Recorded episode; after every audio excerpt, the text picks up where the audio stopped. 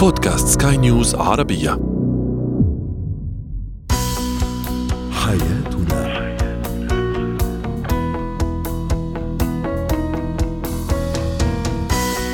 أهلا بكم مستمعينا الكرام إلى برنامج حياتنا برنامجكم اليومي الذي يعنى بشؤون الأسرة وباقي الشؤون الحياتية الأخرى والذي يمكنكم الاستماع إليه عبر منصة البودكاست لسكاي نيوز عربية. معي أنا طيبة حميد.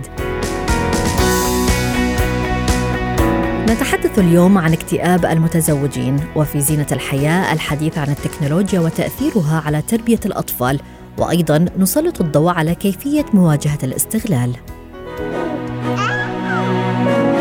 زينة الحياة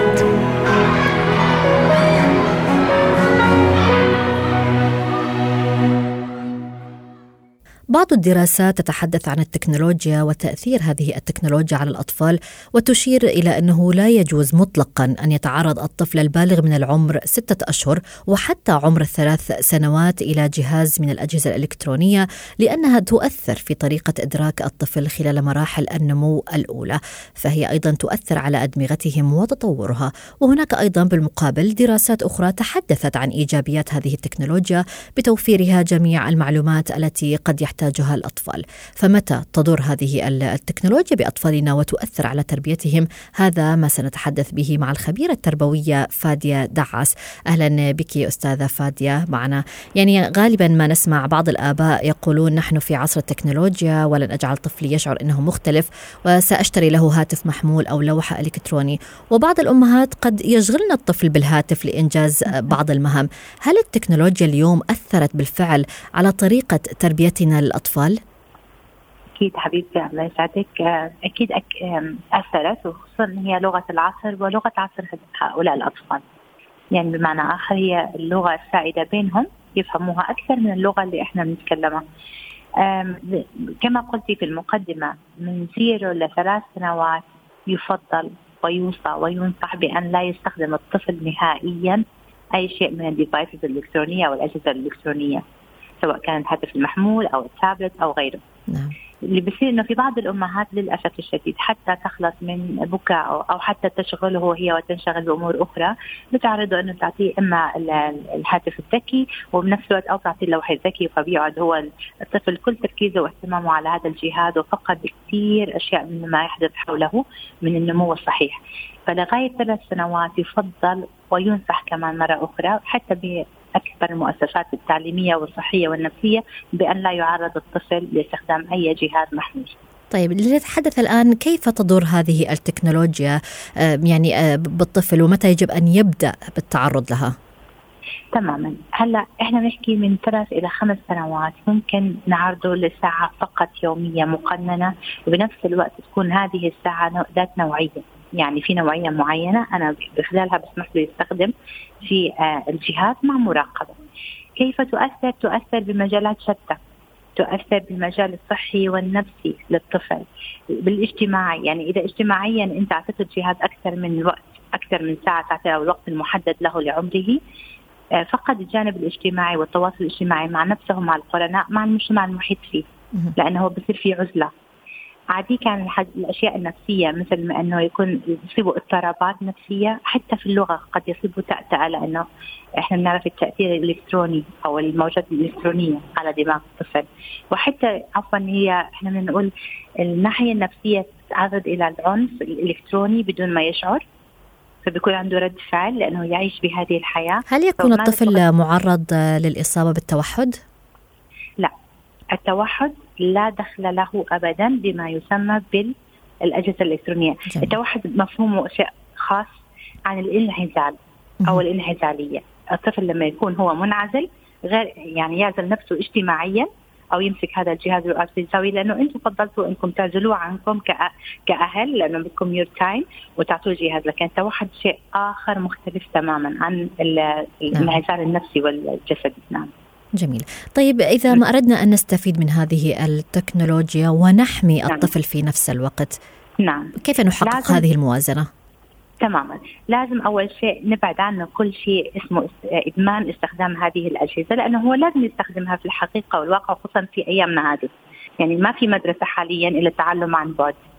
ففي أكثر من ثلاث ساعات يتعرض لها الطفل أو الطالب لغاية سن 13 18 سنة. أكثر من المسموح اللي هو أكثر من ثلاث ساعات، لكن ماذا نفعل الآن؟ تكون أوقات محددة. لا يستخدم الجهاز في غرفة النوم يكون في زاوية. لا يستخدم الجهاز أثناء الغداء أو الأكل لأنه إما بيعمل عنده بنحكي له إحنا الادمان على الأكل أو العكس تماما إنه بيترك الأكل نهائيا. فيجب أن نقنن الوقت نستخدم في المكان الصح. نستخدم للنشاط الصح مع المراقبة مع ال cyber link safety إنه أنا حاطة على الجهاز cyber link safety عشان الولد ما يدخل على أي مجال هذا عالم مفتوح نختار okay زي ما حكينا أيضا الأنشطة الاجتماعية اللي ممكن تساعد الطفل بإنه يتغلب على الساعة ساعتين ثلاثة هذه اللي فيها قاعد ما بيتحرك جسديا ونفسيا يكون يجدد طاقته ونشاطه ويعيش الحياة الطبيعية للطفل. جميل شكرا لك على جميع هذه التوضيحات الخبيرة التربوية فادية دعاس. حياتنا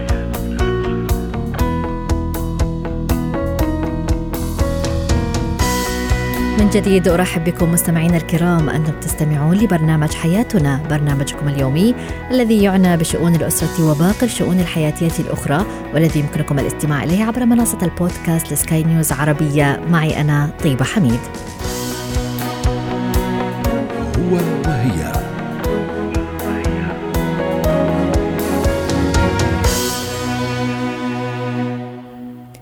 الكثير من الشباب قد يصابون باكتئاب المتزوجين. هذا يحدث بعد الزواج فورا أو بعد فترة من الارتباط. هذه الفترة قد لا تكون فترة مبالغة في المشاعر السلبية تجاه بعضهم وقد يكون الأمر ليس له علاقة ببعضهم كأشخاص. ولكن الذي يحدث هو ظروف معينة تجعل كل منهم يشعر بالاكتئاب ولفترة معينة.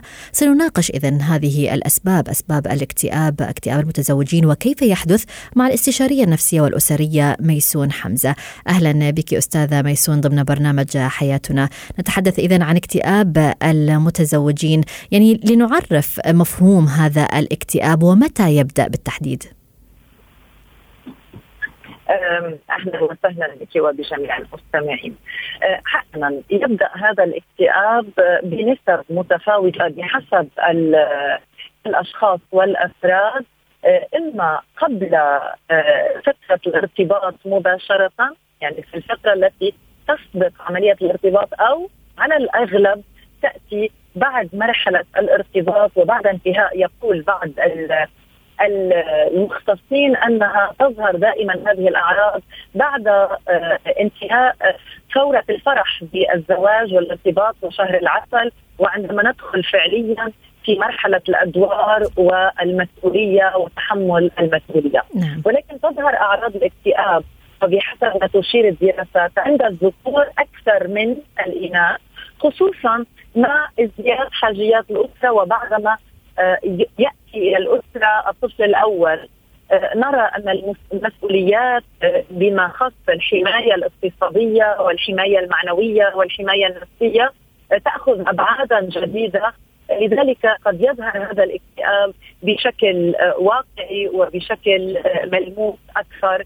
بمرحلة بعد الزواج. نعم. آه، لماذا يظهر عند الذكور أكثر من الإناث؟ لأن الرجل دائما تلقى على عاتقه مسؤوليات أكبر من المرأة ولأن المرأة في مجتمعاتنا على وجه التحديد ولكن ألا يمكن أن يحدث أيضا للمرأة لأنها تودع حياة العزوبية نعم. وتدخل إلى مسؤوليات نعم. جديدة؟ يحدث نعم نعم نعم يحدث هذا الأمر ولكن يظهر عند الذكور أكثر نعم آه يحدث لدى المرأة ولكن المرأة بحسب البيئة الثقافية والاجتماعية تتدرب على دور الأمومة والمسؤولية والاهتمام بالشريك أكثر من الرجل الذي يرى في انتقاله لاسرته الجديدة آه، آه، يحصل لديه بعض التأثر بالفقدان يعني يشعر بأنه قد فقد اهتماما كان يحظى به في أسرته الأولى أو في عائلته آه، كما قلت سابقا المسؤولية التي تلقى على عاتقه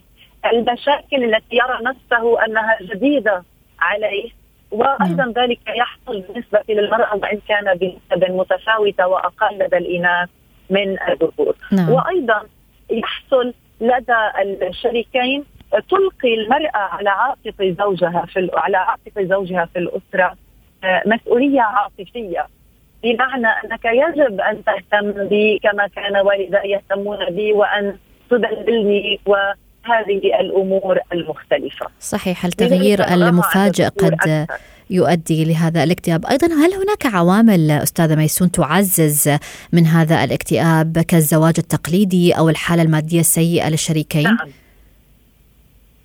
نعم نعم. هنالك عدة عوامل يمكن حصرها بالآتي.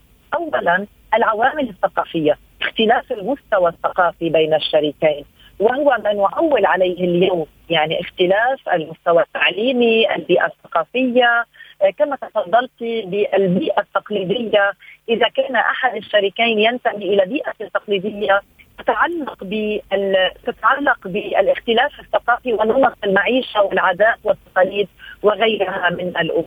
جميل، طيب كيف يتعامل الشريكان مع هذا الاكتئاب؟ نعم، هنالك حلول مختلفة ممكن أن آه، آه، آه، نضع أمام الشريكين نضعها أمام الشريكين وهي أولها مسألة إيجاد مساحة للتشاور والحوار بين هذين الشريكين بمعنى أنه يجب أن يكون هنالك حديث مباشر حول المشكلات التي تحصل وتأخذ تبدأ بالظهور بينهما نعم. ثانيا ممكن اللجوء إلى آه، أولي الأمر يعني استشارة الأهل بمعنى عدم نقل المشكلة بشكل آه، آه، فعلي وإنما أن ننقل المشكلة باستشاره التصرف، كيف نتصرف حيال ذلك؟ وأيضا بالإمكان إذا تطورت الحالة الذهاب إلى أخصائيين من أجل الاستشارة الفعلية لدى أخصائيين يعنون بواقع الأسرة و ويعني الاهتمام بمشاكل الأسرة من أجل إيجاد حلول ربما تكون الحلول طفيفة وسهلة وربما تحتاج إلى وقت أكثر وعلاج أكبر من خلال التدريب على الأدوار وتحمل المسؤولية وغيرها من المسائل. هل هذا الاكتئاب اكتئاب المتزوجين أستاذة ميسون قد يستمر لفترة طويلة أم هناك فترة محددة؟ حسب الدراسات وحسب المشاهدات العيادية يمر الشريكان تلقائيا بما يسمى اكتئاب ما بعد الزواج وهي مرحلة عرضيه لكي يتعودوا يتعودا على بعضهما البعض. ولكن إذا إذا استمرت أو طالت فترة الاكتئاب أكثر من شهر أو شهرين هنا نحن أمام آه، أمر يتعلق بإحدى الشخصيات. يعني شخصية أحد الطرفين آه، داخل هذه العلاقة وهواجس تتعلق بإكتئاب أساسي موجود لدى هذا الشخص. أو لدى هذا الشيء. شكرا لك الاستشاريه النفسية والأسرية ميسون حمزة. مهارات حياة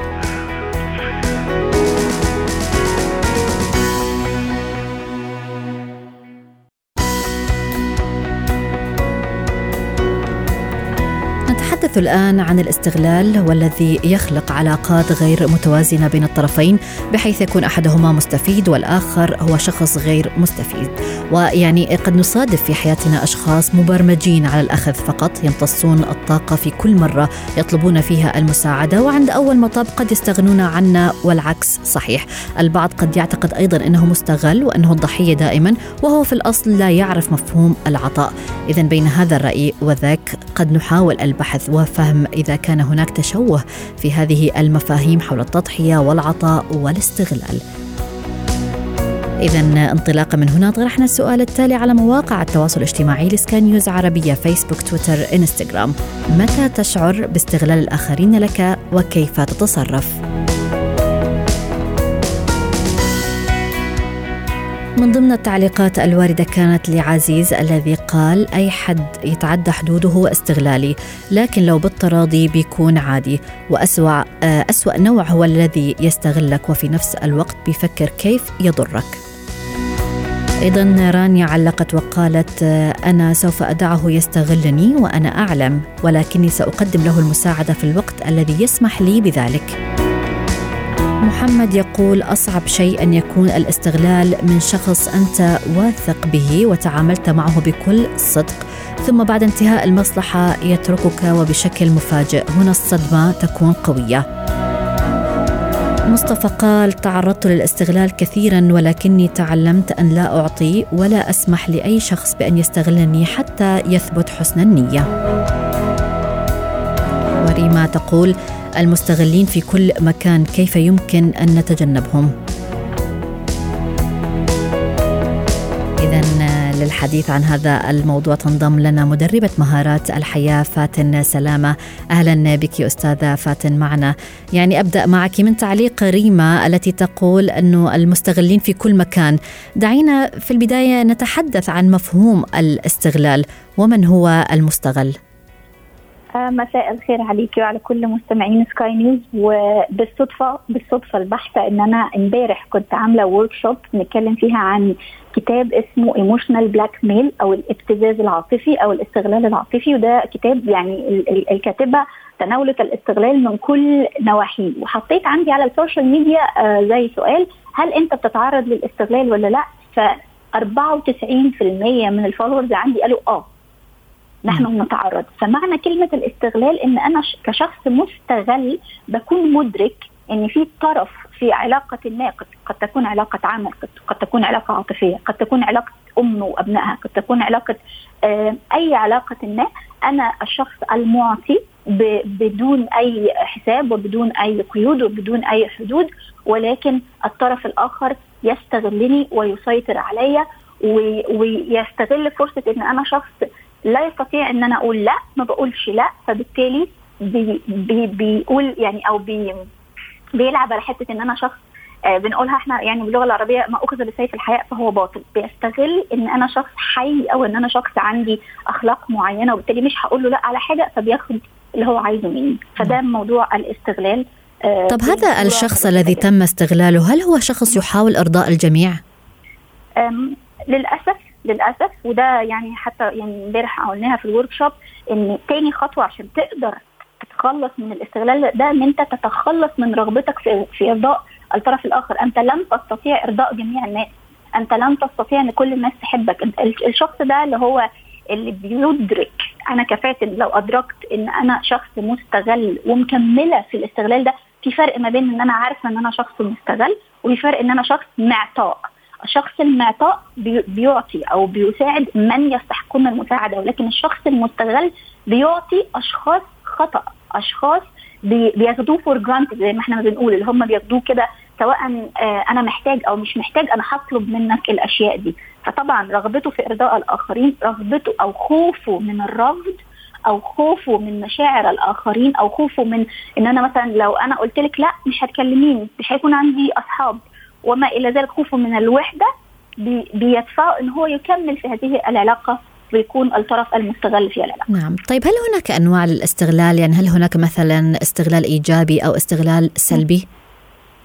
لا ما فيش است... يعني من وجهة نظري أنا ككوتش أو كمدربة أنا بشوف إن الاستغلال هو استغلال سلبي ما فيش استغلال يعني أنا قد أكون أستغل طفلي أو أستغل مثلا موظف عندي في إن أنا أنمي مهاراته أو إن أنا أدفعه لشيء كويس بس ده بيعمله شخص واعي بيعمله شخص آه لا يستغلك لمصلحة ما ولكن متهيألي اللي إحنا بنتكلم عنه النهارده هو الاستغلال الآخر اللي هو م. الاستغلال ال ال ال إن أنا ممكن أستغلك عاطفيا إن أنا ألعب على مشاعرك إن أنا أوترك أو إن أنا استغلالك أستغلك ماديا إن أنا عارفة إن انت مثلا هتقدري تجيبي لي الشيء ده ممكن أكون محتاجه ممكن أكون مش محتاجه فبالتالي بستغلك فالشخص المستغل هو شخص ذكي هو شخص عارف نقطة ضعفك وبالتالي بيلعب على نقطة ضعفك.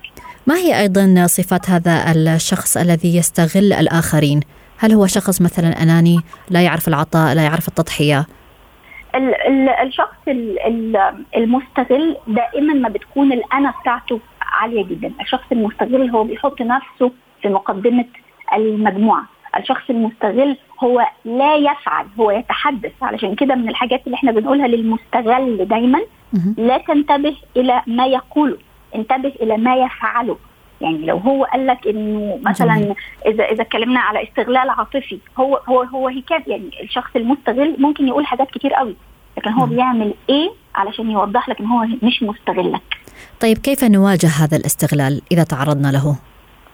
إذا تعرضنا للاستغلال which is إحنا معظمنا بنتعرض للاستغلال أول حاجة لازم ندرك والإدراك هو اللي هيوصلنا لإن إحنا ناخد خطوة. ندرك حقيقة إن إحنا أشخاص مستغلين في علاقة ما. فأول حاجة بنعمل personality test أو اختبار تحديد شخصية موجود على مواقع على الإنترنت وموجود باللغة العربية. بيبين لي إيه هي نقاط ضعفي. لأن أوقات بيكون نقاط الضعف أنا مش عارفها الشخص المستغل ذكي جدا فبيكون عارفها فبيلعب على نقاط ضعفي. يعني أنا لو نقاط ضعفي ال emotions مثلا هو حي... أو العاطفة هيلعب على العاطفة.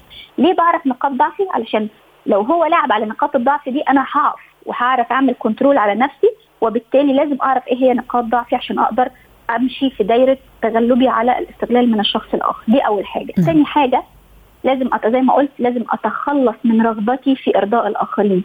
الشخص اللي قدامي ده لو هو فعلا صديق حقيقي أو هو مثلا زوج حقيقي أو هو شريك في العمل حقيقي هو لن يدفعني إن أنا أرضيه. هو سوف يعني هو مش لازم إن أنا أرضيه بحاجة مادية مش لازم أرضيه بفعل هو هيرضى عني بأنا كفاتن مش بالحاجة اللي أنا بعملها. نعم. ثالث حاجة أنا أنتبه للشخص ده اللي هو بيعمله مش اللي هو بي بيقوله زي ما إحنا ما قلنا. أنا مش هقدر إن أنا أغير شخص فبالتالي بلاش أزعج نفسي أنا كشخص مستغل بإن أنا أسمع رأيه فيا اللي هو الشخص المستغل لأن هو ما دائما ما هيعطيني أشياء سلبية عليا فبالتالي هو هيستلزمني إن أنا أعمل ما, ما هو يريد علشان هو يقول لي آه ما شاء الله أو أو مثلا يكمل معايا في العلاقة أو إن هو مثلا يعني في العمل يكون مقرب الي في العمل وما إلى ذلك. فبالتالي لا أزعج نفسي برأيه فيا. ودايما بنقول الكمال لله وحده. الناس بتأكيد. العادية اللي هي الريل بيبل ناس عادية جدا بتتمتع بالقبول والرفض للأشخاص اللي حوالينا. فتقبل نفسك كما أنت. لا تستطيع أن تستجدي عطف الناس اللي حواليك بأن أنت تكون أو أن أنت تسمح لنفسك لنفسك أنك تكون شخص مستغل. نعم. شكرا لك على جميع هذه النصائح مدربة مهارات الحياة فاتن سلامة. حياتنا.